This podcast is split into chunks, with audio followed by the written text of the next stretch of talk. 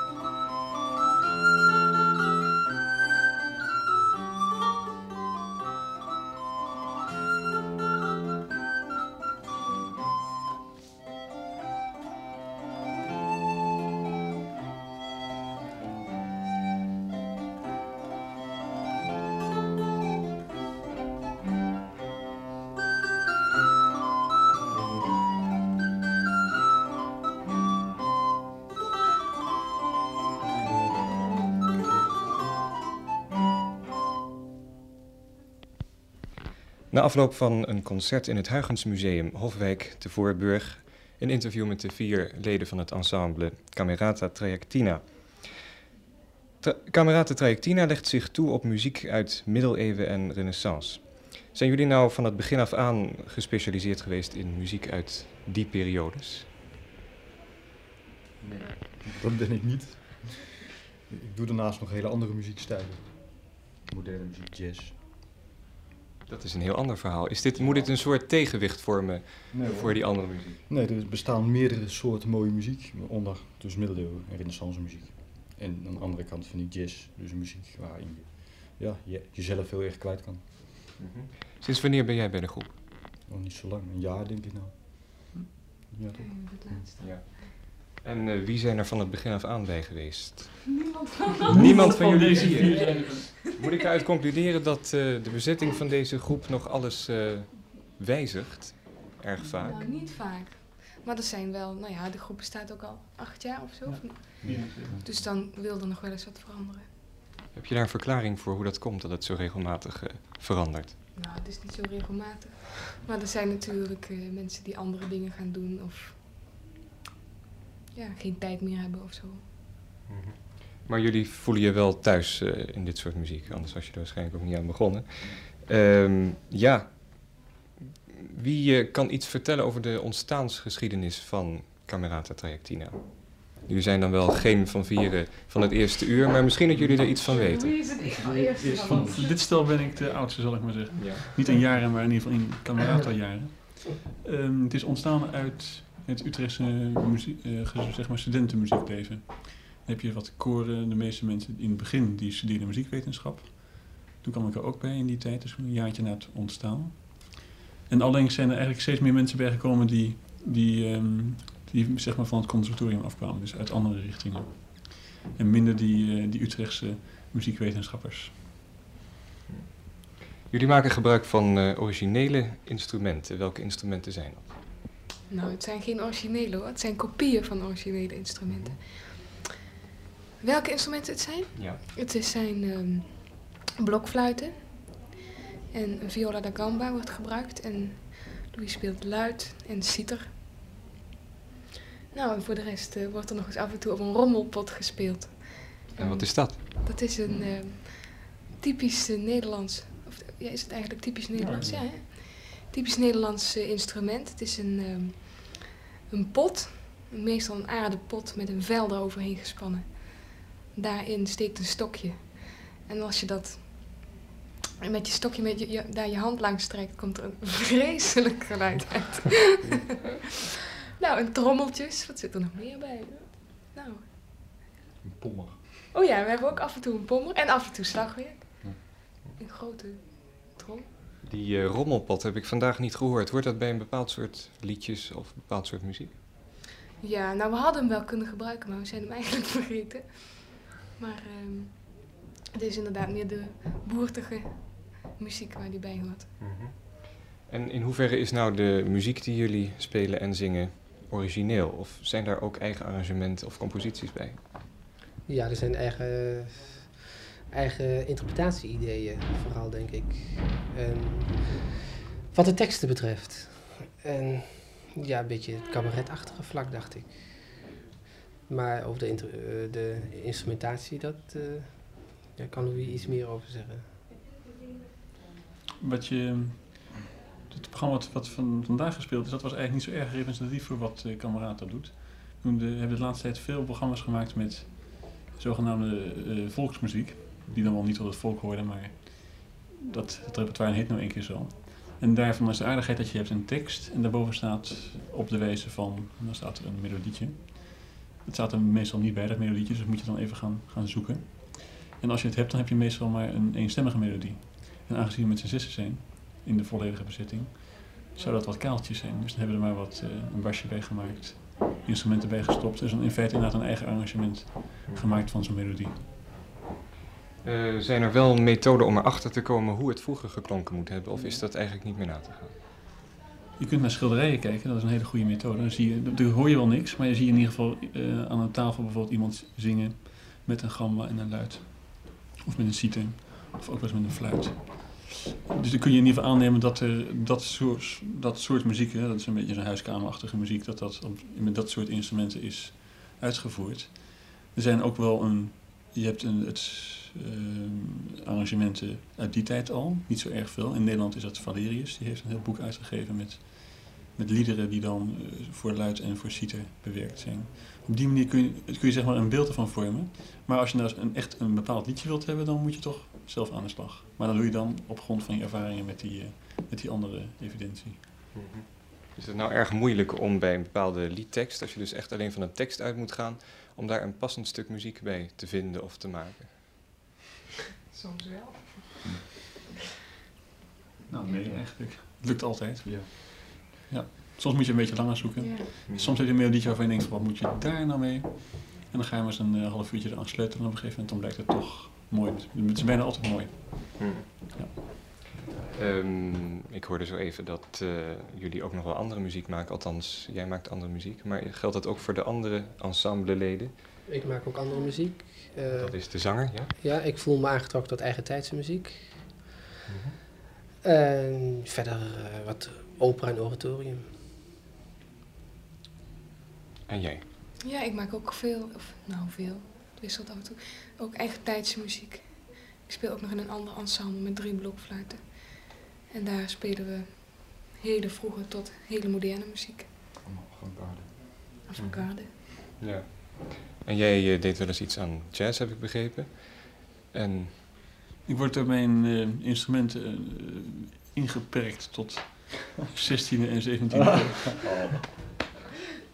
Ik heb vroeger een aantal jaren, vele jaren, tien jaar of zo, gitaar gespeeld. En op een gegeven moment, het ellende was, dat moest je met je nagels doen. En als je luid wil spelen, moet je dat zonder je nagels doen. Het was dus kiezen of delen op een gegeven moment. Na natuurlijk nog een paar jaar proberen of het niet alle twee kon. Maar met en zonder, dat, dat bleek toch niet, het, dat bleek niet te gaan. Dus heb ik op een gegeven moment eh, die nagels afgeknipt en toen speelde ik luid. En er is vrijwel geen moderne muziek voor luid. Dus dan zit je toch op oude muziek meer aangewezen.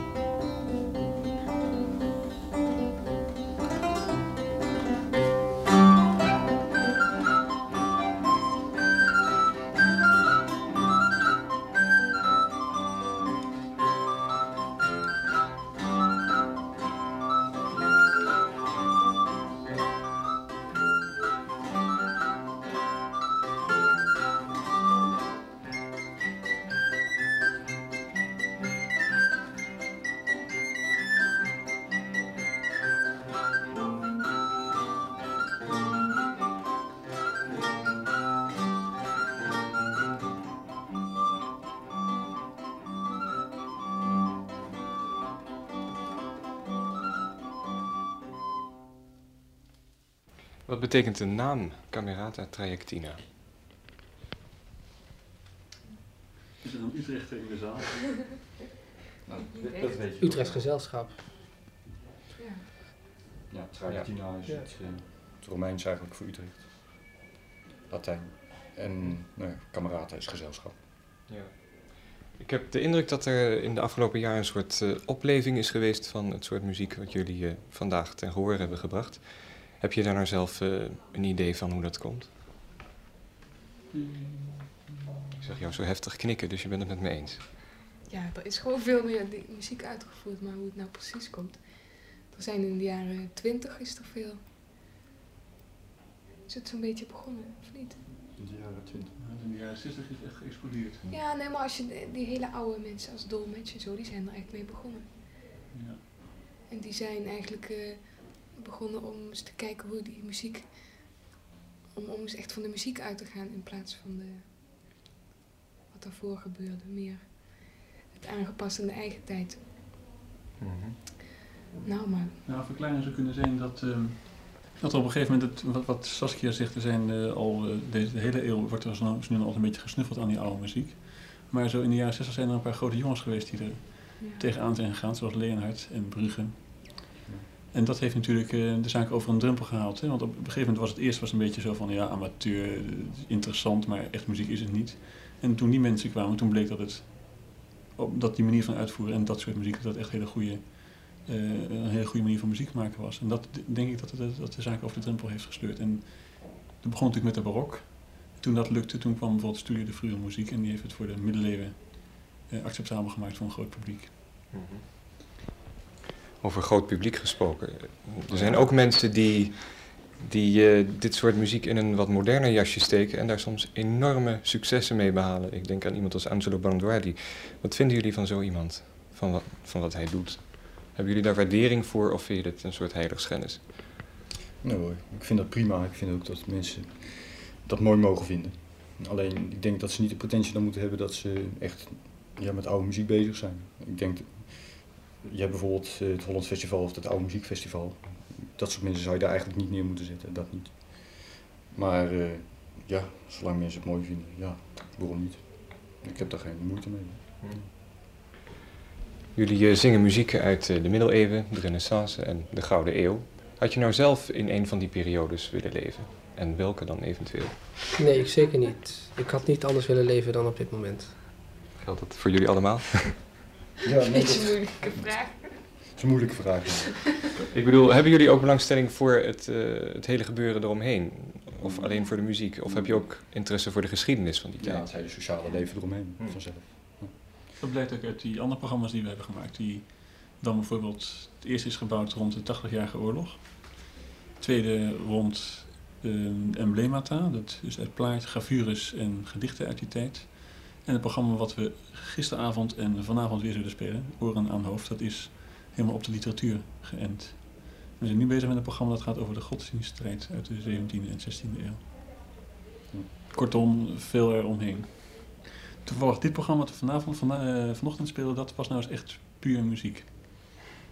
Dat is voor ons een uitzondering. Ja. En een beetje cabaret, hè? want eh, dat ene onderdeeltje, dan moet ik even snel kijken hoe dat heette. Ik dacht dat het was, het waren twee gebroeders stout. Dat was wel een beetje, Aardig Pieter Gijzen. dat was wel een beetje cabaretesk. Ja, Jij hebt daar eh, een heel belangrijke rol in.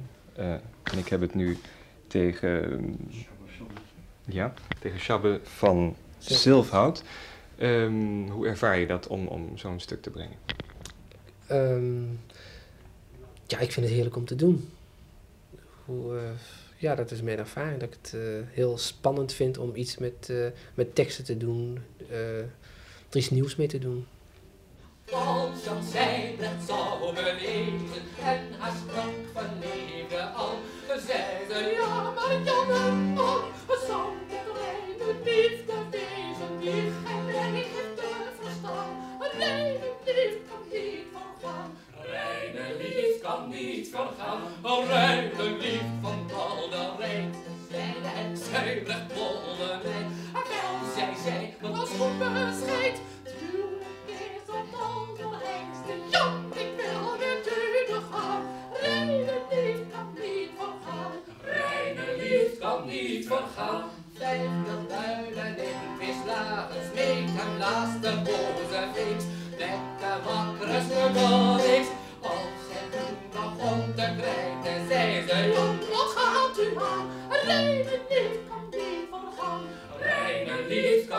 kan. Ze heeft een strepen kolen die ze bij haar kamer houdt. Als haar wonderlijke gang, zei ze, Jan ligt op uw zolen, hip op rustig op de laan. Rijden lief kan niet vergaan. Rijden lief kan niet vergaan. En Jan bestond zijn wijf te vragen,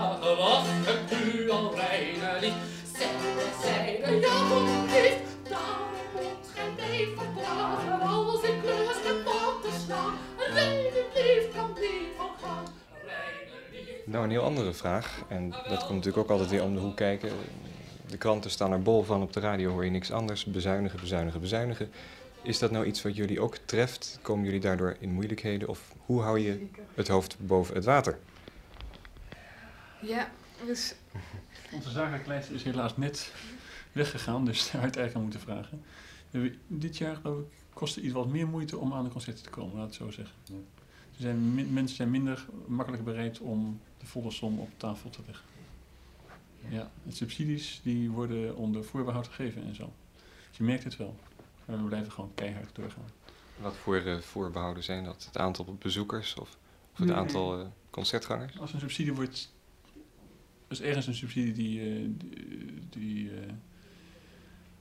die zou wel toegekend kunnen worden, maar ze houden een slag om de arm. Omdat het is best mogelijk dat er zodanig moet worden bezuinigd dat een hele pot wegvalt. Dat soort dingen, dat, dat kom je tegen. Je merkt ook dat concertorganisaties die maar de helft van het budget hebben wat ze vorig jaar hadden. Nou ja, en dan moeten ze eh, kijken of naar goedkopere groepen of ja, wordt het moeilijker Of iets een natuurlijk. kleinere bezetting, hè, zoals vandaag met z'n vieren. Dat eh, kunnen dus eh, een paar mensen weglaten. Ja, maar dat, dat is natuurlijk geen oplossing. Dat is geen oplossing, maar het is wel een oplossing om er minder van te merken zelf als groep. Ja. Ondanks deze sombere berichten die je af en toe hoort, eh, hoe eh, zien jullie voor Camerata Trajectina de toekomst? Rooskleurig of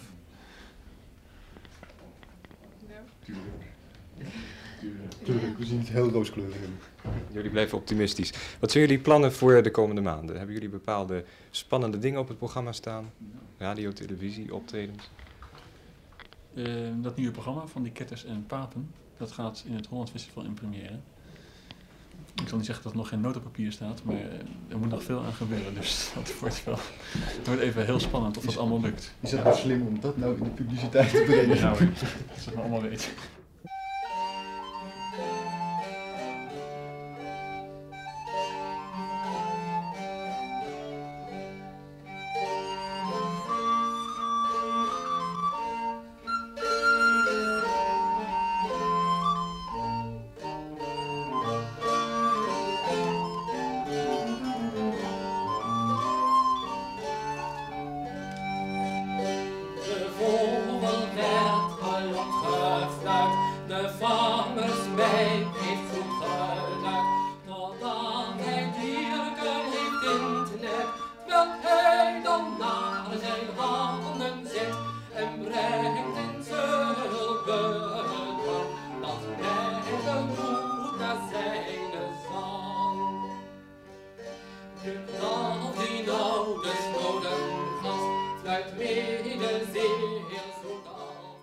Camerata Trajectina.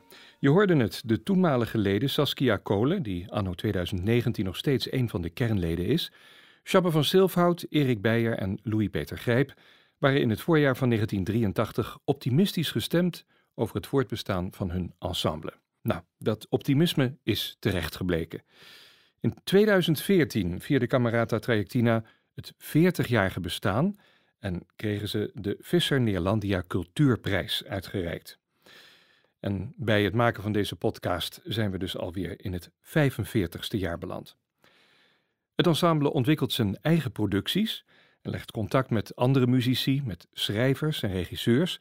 De literaire en theatrale samenwerking met bijvoorbeeld Gerrit Komrij leidde tot Liedekens van Jacob Obrecht en de Jeroen Bos voorstelling De Zeven Zonden. Camerata Trajectina heeft niet alleen in Nederland, maar inmiddels over de hele wereld concerten gegeven. Ook in Canada, de Verenigde Staten, Turkije, Mexico, Indonesië, Ghana, Marokko en zelfs Syrië. De twee LP's die er in 1983 waren, zijn inmiddels uitgegroeid tot ruim 40 geluidsdragers. Voor de dubbel-CD Antwerps Liedboek ontving het ensemble een Edison Klassiek. Het plezier spat van hun uitvoeringen af, vond de Edison-jury. Waarvan akte. Tot zover deze podcast. Graag weer tot de volgende.